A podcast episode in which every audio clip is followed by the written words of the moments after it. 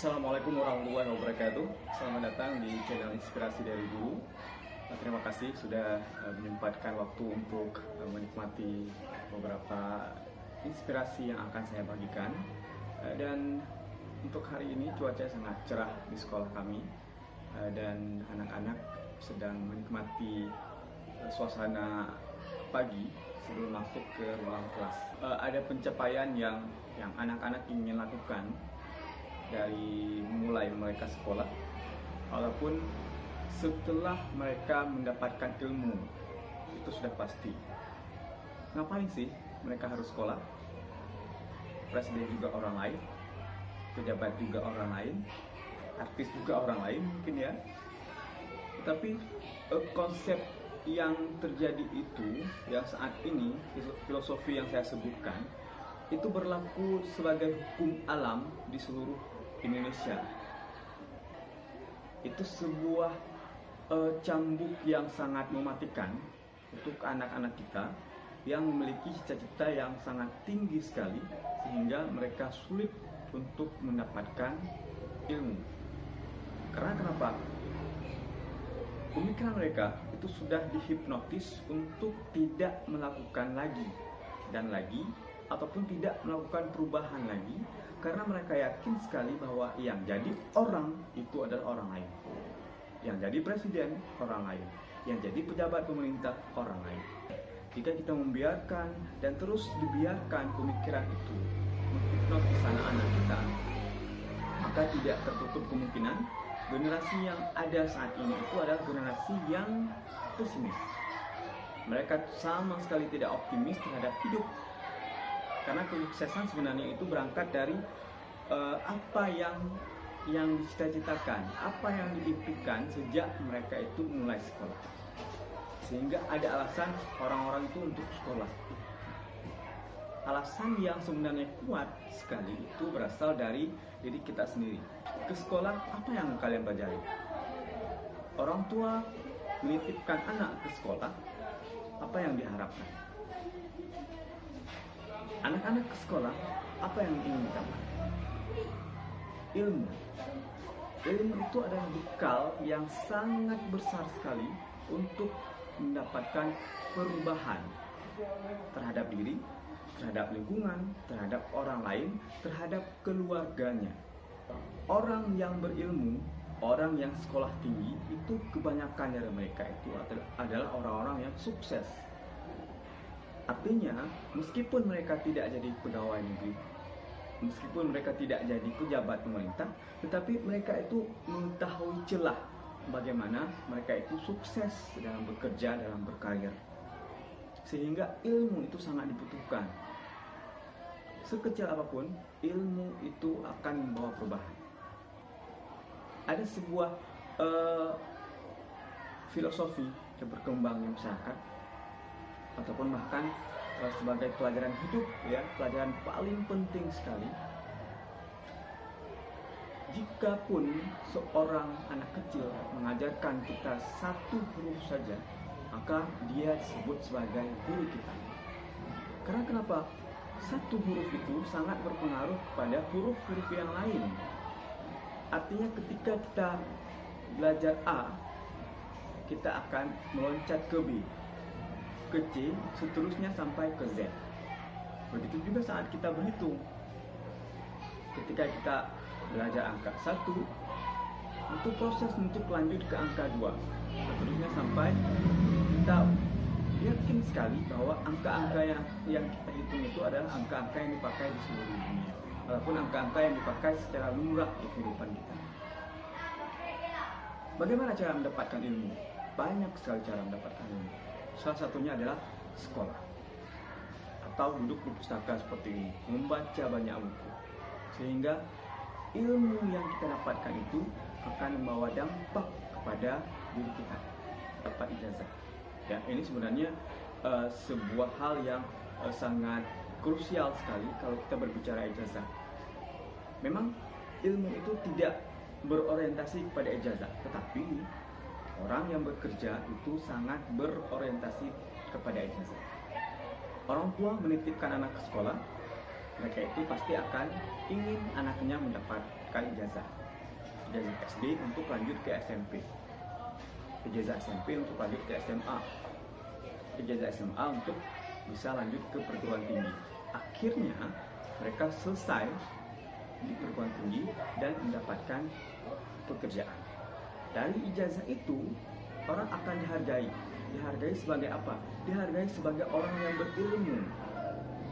Meskipun uh, jika kita melihat ke luar lagi bahwa tidak semua orang yang uh, tidak berijazah itu tidak berilmu. Bukan. Artinya mereka ada yang sekolah non formal yang tidak memiliki ijazah tetapi juga berilmu. Contohnya di pesantren uh, konvensional tapi uh, yang didapatkan dari orang-orang yang berijazah itu adalah seberapa tinggi ilmu pengetahuan yang sudah diserap olehnya. Seberapa mungkin dia akan mengubah hidupnya itu dari titik terendah kepada titik tertinggi. Ijazah. Orang akan menilai oh anak ini akan memiliki ijazah yang tertinggi. Oh dia cuma sampai di SMA oh dia cuma sampai S1 atau sarjana ada juga orang-orang yang uh, tidak puas dengan satu ijazah tapi dia akan uh, berusaha lagi dan lagi untuk mendapatkan ijazah-ijazah yang lebih tinggi karena kenapa? Karena perubahan dalam hidup dia itu tidak hanya sampai pada satu titik. Titik yang membawa perubahan itu adalah ketika dia mendapatkan ijazah, ketika dia uh, berkarir di luar dari sekolah. Itu adalah kehidupan yang sebenarnya. Dapat pekerjaan. Pekerjaan yang umum saat ini adalah di kantor, baik pemerintahan ataupun swasta, semuanya itu berorientasi kepada ijazah. Ijazah minimal sarjana. Kalau ingin karir lebih baik maka harus mendapatkan ijazah. Kenapa eh, perusahaan-perusahaan itu uh, mengandalkan uh, orang-orang yang bekerja di mereka itu adalah orang-orang yang mendapatkan ijazah? Karena mereka menilai bahwa uh, ilmu itu tidak hanya soal pengetahuan kognitif atau keahlian, tapi juga kedewasaan, keterampilan yang itu cuma didapatkan dari bangku kuliah ataupun juga bangku non kuliah jika mereka ingin uh, mendapatkan skill ya. Tetapi uh, ada sebagian orang yang ketika tidak sekolah maka mereka tidak akan belajar lagi. Makanya dituntut kita untuk belajar. Ketika masuk ke ranah pekerjaan, yang didapatkan itu juga berdasarkan dari pengalaman pengalaman kuliah pengalaman berorganisasi sehingga yang didapatkan itu adalah bibit-bibit terbaik untuk memajukan perusahaan untuk memajukan uh, apa yang di, ingin disampaikan apa yang ingin didapatkan oleh pemerintah sehingga negara kita lebih maju jadi ingat kuncinya bahwa uh, alasan orang sekolah itu untuk mendapatkan kerja itu sudah pasti. Coba lihat di, di, di lingkungan kita. Berapa banyak orang yang yang bekerja karena adanya ijazah dan berapa banyak orang yang sama sekali tidak bekerja karena memang tidak ada ijazah. Itu sangat timpang dan ada di sekitar kita. Orang sekolah untuk hidup senang, kan nggak sih? Benar. Kenapa? Orang ada ilmu pasti hidupnya akan senang. Kenapa saya katakan demikian? Dia bisa membaca, dia bisa menulis, dia bisa menghitung. Itu bekal yang didapatkan dari sekolah. Seorang pengusaha sukses itu tidak akan bisa menghitung angka-angka pemasukan pengeluaran tanpa sekolah. Artinya mereka tidak akan hidup senang, mereka tidak bisa membangun rumah, yang lebih besar. Mereka tidak tidak sanggup uh, membeli mobil yang yang mahal. Ataupun kembali lagi menyekolahkan anak-anak mereka ke tingkat yang lebih tinggi. Ilmu itu akan membuat kita senang. Artinya kita lega terhadap ilmu kita memiliki perbedaan antara kita dengan orang lain derajat yang sangat tinggi jadi dalam agama itu disebutkan orang-orang yang berilmu itu akan diangkat derajatnya. orang yang berilmu itu dia memiliki sifat untuk membedakan antara baik dan tidak baik. Sehingga kita harus uh, mendefinisikan bahwa ilmu itu sangat penting untuk kelangsungan hidup dari kita sendiri sebagai manusia di muka bumi. Bahkan uh, saat kita uh, beribadah, kita membutuhkan ilmu agama yang sangat kuat sehingga kita benar-benar beribadah sesuai dengan anjuran, sesuai dengan tupoksi kita beribadah kepada Tuhan. Mengapa kita harus sekolah sebenarnya? Selain bertambah ilmu, kita juga memperbaiki karakter atau akhlak. Sekolah itu memiliki banyak pelajaran, banyak sekali pelajaran. Jadi tidak hanya pelajaran umum, tidak hanya fisika, tidak hanya biologi, tidak hanya matematika, bahasa Inggris, bahasa Indonesia, tapi juga pelajaran agama Pelajaran agama itu pelajaran yang mengajarkan soal akhlak, soal budi pekerti, soal karakter. Jadi, sehingga ketika anak-anak ada di sekolah, mereka tidak hanya dituntut untuk mendapatkan ilmu, tidak hanya dituntut untuk mendapatkan nilai, tetapi juga bisa mengubah karakter dia dari yang kurang baik sehingga menjadi lebih baik. Guru tidak hanya bertugas memberikan nilai. Kamu dapat nilai 90 ataupun kamu 100. Tapi juga mengajarkan, mendidik anak-anak kita memberikan nilai yang terbaik soal budi pekerti. Setelah mereka sekolah, mereka akan beradaptasi dengan lingkungan. Mereka akan bertemu dengan teman-temannya. Mereka akan bersikap sebaik mungkin sehingga disebut sebagai sosok yang berakhlak mulia. Kita saat ini ya, di mana pun saya pikir uh, orang akan menilai si ini baik, si ini tidak baik. Itu adalah hasil didikan, hasil uh, serapan ilmu pengetahuan dan juga serapan ilmu budi pekerti ataupun akhlak yang diajarkan oleh guru-guru di sekolah dan juga orang tua di rumah.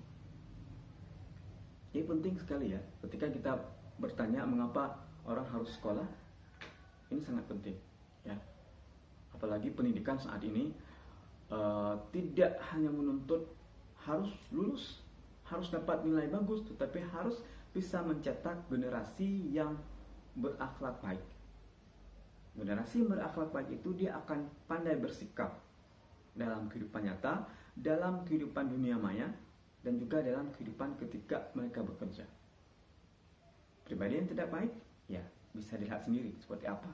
Perusahaan-perusahaan ataupun uh, lembaga pemerintah yang menuntut untuk orang yang bekerja harus mendapatkan surat-surat tertentu sehingga layak disebut sebagai orang baik di perusahaan mereka. Tentu orang tidak akan mau, tidak akan menerima dengan karakter kita yang jelek akan merugikan perusahaan. Kenapa saya katakan demikian? Saat bekerja, Orang yang karakternya tidak baik, maka dia akan tidak bertanggung jawab. Dia bekerja, tapi tidak bekerja sesuai dengan harapan. Tidak mengejar deadline, tidak bekerja maksimal, sehingga pekerjaan yang diberikan kepada dia tertunda. Sekolah juga sebagai sarana untuk berkenalan dengan banyak orang. Hidup sosial, artinya kita tidak bisa hidup sendiri kita tidak bisa hidup cuman dengan mengandalkan smartphone mengandalkan kehidupan kita yang sebenarnya yang ada di rumah. Tidak bisa. Contoh konkret yang paling kecil sekali adalah ketika sakit siapa yang akan kita panggil? Tetangga rumah kita. Bukan keluarga kita bukan uh, saudara kita yang mungkin lebih jauh daripada rumah kita. Bukan. Anak-anak ke sekolah bertemu dengan orang lain, berkenalan dengan orang lain tidak hanya menjalin silaturahmi. Kita juga berkenalan dengan jodoh barangkali ya. Ada orang yang menjalin hubungan sejak SMP, SMA bahkan kuliah sampai menikah ada. Ada orang yang berteman dari SD sampai ke SMA sampai mereka tua tetap berteman. Walaupun jarak yang memisahkan. Nah, itulah kegunaan dari uh, sekolah setinggi-tingginya. Kita membangun relasi, membangun uh, pertemanan, menjalin silaturahmi. Ya artinya sekarang memang uh, oh saya tidak merasa butuh. Tetapi ada saat-saat tertentu kita membutuhkan teman yang akan membantu kita dalam hal sekecil apa pun. Teman itu tidak hanya dalam lingkungan rumah kita, di kampung kita, di uh, kecamatan kita misalnya, di kompleks perumahan kita yang mewah bukan, tetapi teman-teman di sekolah ya artinya mereka itu lebih memahami kita daripada orang lain. Orang tua memberikan anak ke sekolah atau menitipkan anak ke sekolah saat ini itu rata-rata dari pagi sampai sore. Sebagian ada masih dari pagi ke siang. Adaptasi anak-anak kita ataupun jiwa e, berinteraksi anak-anak kita itu adalah di sekolah. Yang memahami karakter anak kita, yang paham sedih anak kita, yang tahu suka duka anak kita. Bagaimana anak-anak kita bermain itu adalah teman-temannya di sekolah. Lingkungan ketika dia pulang ke rumah, ketika dia beradaptasi dengan lingkungan kompleks rumah dia, hanya satu atau dua jam mungkin kurang dari itu hari minggu hari minggu barangkali dia akan istirahat dia akan nonton dia akan eh, jalan-jalan sama orang tuanya. Jadi tidak ada interaksi yang lebih intens dibandingkan interaksi dia dengan teman-temannya di sekolah daripada dia dengan teman-teman yang ada di kompleksnya yang mungkin berbeda sekolah. Bahkan anak-anak yang satu komplek ketika mereka Eh, satu sekolah belum tentu satu kelas. Belum tentu satu jenjang. Sehingga untuk beradaptasinya itu juga akan sulit sekali. Dan nanti ada saat-saatnya kita akan memahami bahwa teman yang kita kenalan di sekolah teman yang kita uh, bertemu di sekolah teman yang kita sering cerita di sekolah ataupun bahkan teman yang kita benci di sekolah itu akan membantu kehidupan kita kelak. Dan terakhir sekolah itu bukan untuk jadi siapa pun tapi sekolah itu jadi diri kita sendiri. Kita mendapatkan identitas kita. Kita tahu pelajaran apa yang kita suka. Kita paham mau kita. Kita bisa membedakan mana teman yang baik mana teman yang akan menjerumuskan kita ke hal-hal yang negatif. Oh saya nanti akan jadi dokter. Oh saya pengen jadi polisi. Oh saya cuma ingin jadi seorang tukang jahit tukang masak atau chef. Ya nggak masalah itu dibentuk dari sekolah. Jadi diri kita itu dari sekolah. Kapan itu mulai jadi diri kita dari sekolah? Ya kapan kita memahami bahwa pelajaran yang kita sukai itu adalah pelajaran itu. Sehingga kita bisa mengembangkan diri. Jadi tidak perlu ikut-ikutan. Ketika ada anak yang uh, ikut masuk ke kedokteran kita ikut ada anak yang ikut masuk ke hukum kita ikut. Jangan seperti itu. Tetapi kita harus sadar bahwa kemampuan kita itu ada di bagian mana. Sehingga kita enjoy sehingga kita santai dalam belajar menuntut ilmu dan kita akan mendapatkan sesuatu yang kita inginkan. Baik terima kasih untuk hari ini. Semoga apa yang saya sampaikan bisa menginspirasi bisa memberikan apa yang diinginkan dalam kehidupan kita masing-masing Sampai jumpa di episode berikutnya.